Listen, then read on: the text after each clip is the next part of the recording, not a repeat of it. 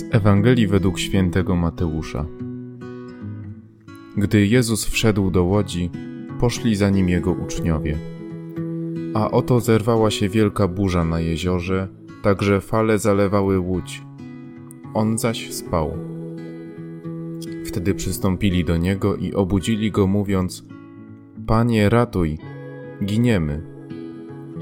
A on im rzekł: Czemu bojaźliwi jesteście, ludzie małej wiary?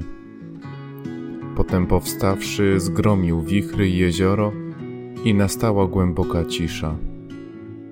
A ludzie pytali zdumieni, kimże on jest, że nawet wichry i jezioro są mu posłuszne. Czemu bojaźliwi jesteście małej wiary? Wiara to odwaga. Brak odwagi to znak małej wiary. Rzadko wiara jest dla nas źródłem odwagi. A to znak, że albo nie ma wiary, albo że jest mała. Mała wiara nie jest mocą. W dzisiejszej Ewangelii słyszymy wyrzut Jezusa na temat małej wiary i tchórzostwa uczniów.